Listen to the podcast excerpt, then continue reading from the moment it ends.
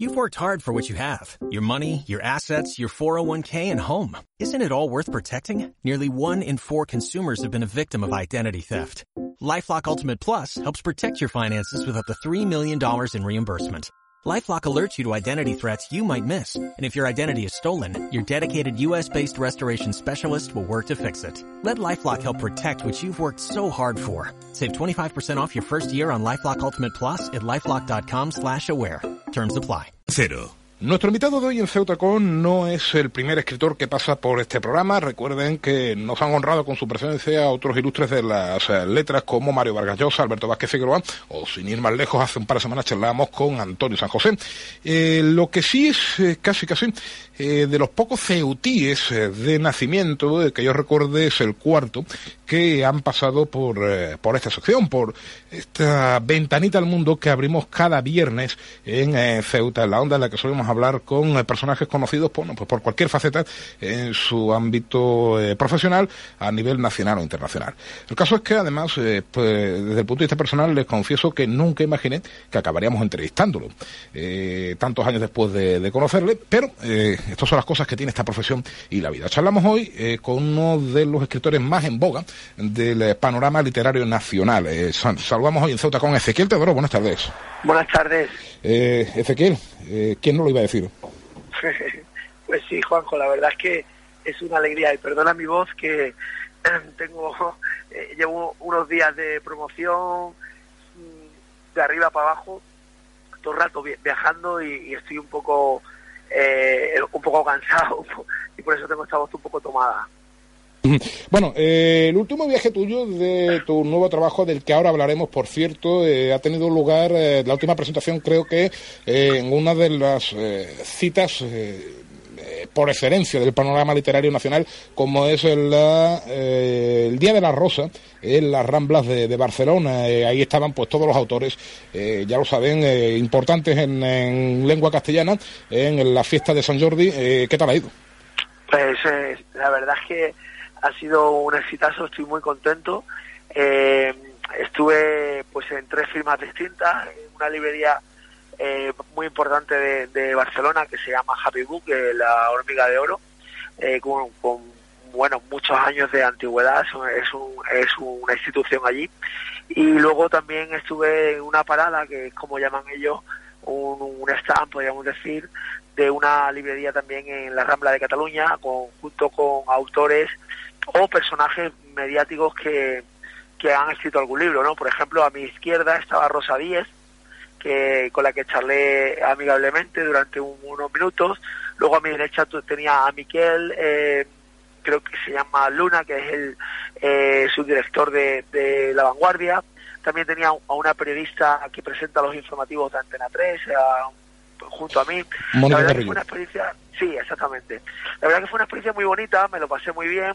Eh, a mí, evidentemente, no, no me conocían mucho los lectores, tenía algunos lectores que se acercaron, eh, pero no, no, no, no soy un, un autor mediático, evidentemente, ¿no? Pero fue una experiencia preciosa. Oye, eh, les digo además que, eh, eh, les voy a comentar que aparte del talento, muchas veces es necesaria una dosis de, suerte. y de eso tuviste tú bastante el 2 de mayo de 2011. Sí, sí, es una, es una historia, una anécdota que se repite mucho cada vez que me hacen alguna entrevista, porque casualmente cuando yo publiqué la novela más o menos en abril de 2011, eh, el 7 de abril exactamente hice la primera presentación, pues en mi novela ya había desaparecido eh, Bin Laden, eh, coincidiendo en mayo, y justo un mes después pues desaparecía Bin Laden en la realidad y eso hizo que pues el conocimiento de la novela se disparara y se disparara tanto que aparte de las importantes eh, importantísimas por lo menos para mí no ventas que han superado más o menos los 12.000 ejemplares eh, además ha llegado a oídos de gente tan importante, por lo menos para mí, ¿no? Como, como lector, como Julia Navarro, ¿no? Que eh, el otro día en la, en la promoción que hacía yo en, en Barcelona, pues tuve la suerte, la suerte de que ella pasó por allí y le hablaron de mí, se acercó, me saludó, estuvimos nada, unos minutillos charlando y cuando y me dijo que había oído hablar del manuscrito de Vicera y eso para mí fue fue un, eh, casi podríamos decir un triunfo, ¿no? un orgullo importantísimo. Y es de estas veces en las que supongo que a uno cuando le dicen eh, he oído hablar de ti eh, y no, no, no se hace la composición suficiente, eh, pues el gesto instantáneo es mirar para atrás, ¿no? Ver si se están dirigiendo a uno y dicen, no, no, que es a mí, ¿no? Sí, sí además curioso porque, claro, personas que han influido tanto en mi vida, ¿no? Como en este caso Julián Navarro, porque he leído mucho de sus novelas, prácticamente todas las que ha escrito me han gustado mucho y cuando escribes, pues quieres emular a, los grandes escritores eh, eh, que, que, han escrito cosas que te han gustado, ¿no? Y, y, claro, a mí jamás se me podía pasar por la cabeza que esa mujer se dirigiera a mí y me dijera, hombre, tú eres el autor del manuscrito de Avicena. Eso para mí, te prometo que eh, fue una sensación tremendamente desquiciante, ¿no?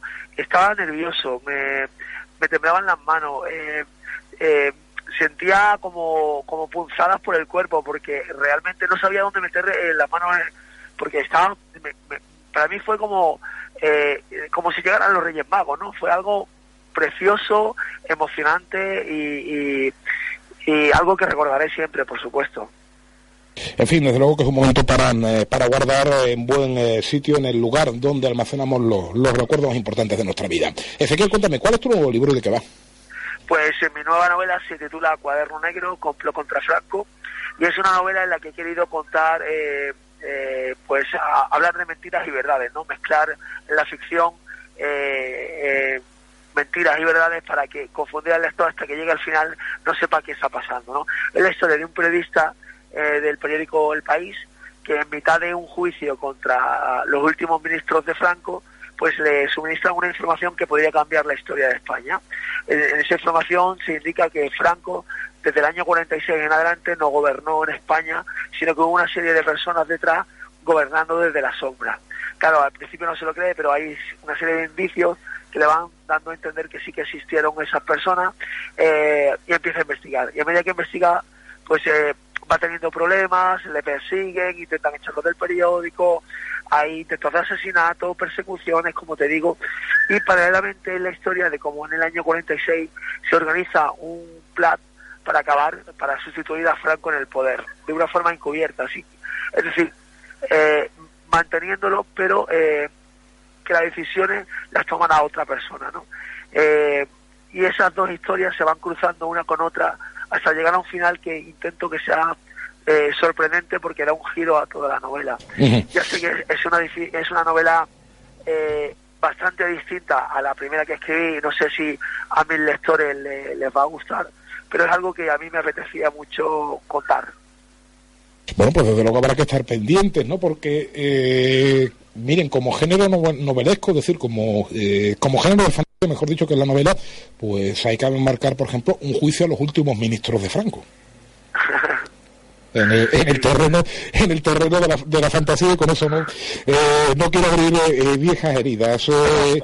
curiosamente sí que se intentó hacer algo parecido hubo un auto de Garzón de hecho la parte del juicio que aparece en mi novela está basada en el auto que Garzón dictó que lo publicó el periódico público en su momento y con ese auto que se habla de 114 mil desaparecidos me baso yo en la novela para para, para desarrollar lo que es la documentación, ¿no? Y de hecho la novela está dedicada a Baltasar Garzón por la valentía que tuvo en su momento, ¿no? Pero quiero que quede claro que no es una novela política, que es una novela policíaca que utiliza la política como trasfondo, eh, eh, como escenario, podríamos decir. En realidad es una novela policíaca.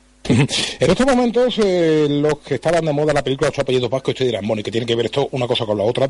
Eh, lo digo para aquellos de la desdramatización, eh, de hecho están traumáticos, sin duda alguna, como fueron el terrorismo de ETA o la dictadura franquista, en el caso que, que, nos atañe ahora, en el caso de tu novela.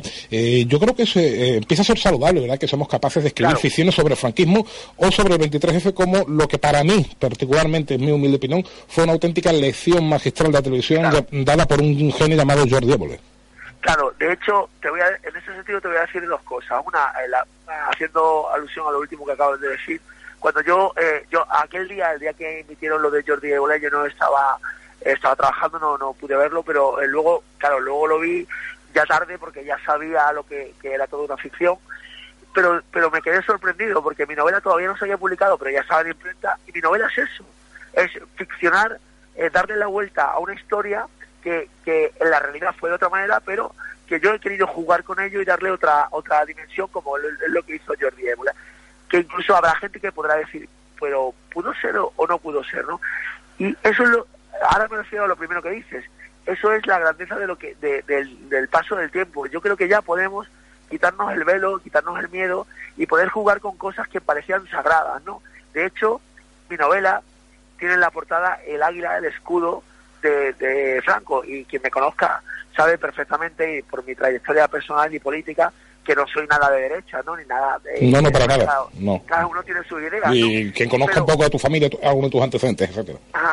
pero curiosamente sí que quise, eh, la, editorial lo sugirió, lo, lo acordamos y eh, pusimos eh, el águila de Franco en la portada porque la portada simula un cuaderno negro en el que hay un plan, ¿no? Entonces pues sería como una especie de sello del franquismo y me pareció que podía ser interesante. Realmente ayer y antes de ayer en la promoción realmente hubo personas que, que eso les asustó un poco, les, asustó un poco, eh, decían, uh, es que en mi casa eso no entra, ¿no? Pero bueno, hubo otras muchas que no, que, que, no, y, y, cuando ya descubrieron que realmente no es una novela ni sobre la dictadura, ni que ampara la dictadura, etcétera, etcétera, las opiniones cambiaron, ¿no? Pero sí que es verdad que todavía hay cierto recelo. Eh, lógicamente. Eh, me viene a la memoria el caso de un periodista eh, y novelista autodidacta, insisto, autodidacta, que recordaba en una entrevista que le leí hace algunos años con cierto cariño barra resentimiento a un director de periódico que le marcaba en rojo todos sus artículos aquel eh, eh, novelista autodidacta, eh, insisto en que en su condición de hombre hecho a sí mismo en el, en el terreno de las letras, nos acaba de dejar, se llamaba Gabriel García Márquez. Mm, repasar la trayectoria del Gabo, yo creo que es todo un acicate para aquellos que sueñan o, han soñado o hemos soñado, ¿por qué no?, en algún momento, con ganarnos la vida escribiendo. Sí, sí, sí, la verdad es que yo hace unos días tuve la oportunidad de como todos, ¿no? De, ver que, de repasar un poco la vida de, García Márquez, eh, porque claro, pues eh, cuando alguien se muere, pues dice, bueno, ¿y qué, nos ha dejado? ¿Qué nos ha legado? Y, hice un par de artículos, eh, pues hablando de, de algunas de sus novelas y hablando de, de, una cosa muy curiosa que encontré en internet, que fue que el Opus Dei prohibió algunas de, ellas, ¿no? concretamente cuatro novelas, ¿no? Fue algo muy curioso que, que, bastante interés. La verdad es que eh, a mí me a mí me trae muy buenos recuerdos porque yo evidentemente no lo conocí en persona, pero gracias a sus novelas yo eh, soy novelista, gracias a sus novelas yo también soy en parte periodista, ¿no? En fin, el Opus Dei, por cierto, eh, si hay alguna rumorología, no sé si Ezequiel Teodoro lo abordará o no en el libro, de que de alguna manera eh, fue el, que asumió en cierto modo el gobierno de España durante aquella larga noche del franquismo. Insisto, no sé si estará en eso, pero eh, le voy a pedir a nuestro invitado que no nos lo diga porque así vamos, lo compramos, que lo que hay que hacer, lo leemos y lo disfrutamos. Ezequiel, pues hasta la próxima. Muchas gracias, Juanjo, y espero, espero verte dentro de unos días. Creo que para la feria del libro de Ceuta, en torno a principios de junio, eh, con, mucha gana y con mucha alegría, por fin volveré a mi tierra, pero esta vez con, con mi nuevo con mi nuevo trabajo para, para mostrarlo directamente a todos mis paisanos. Sí, pero esta vez la caña la pagas tú, ¿eh? Por supuesto Un fuerte abrazo. Un abrazo. Ceuta en la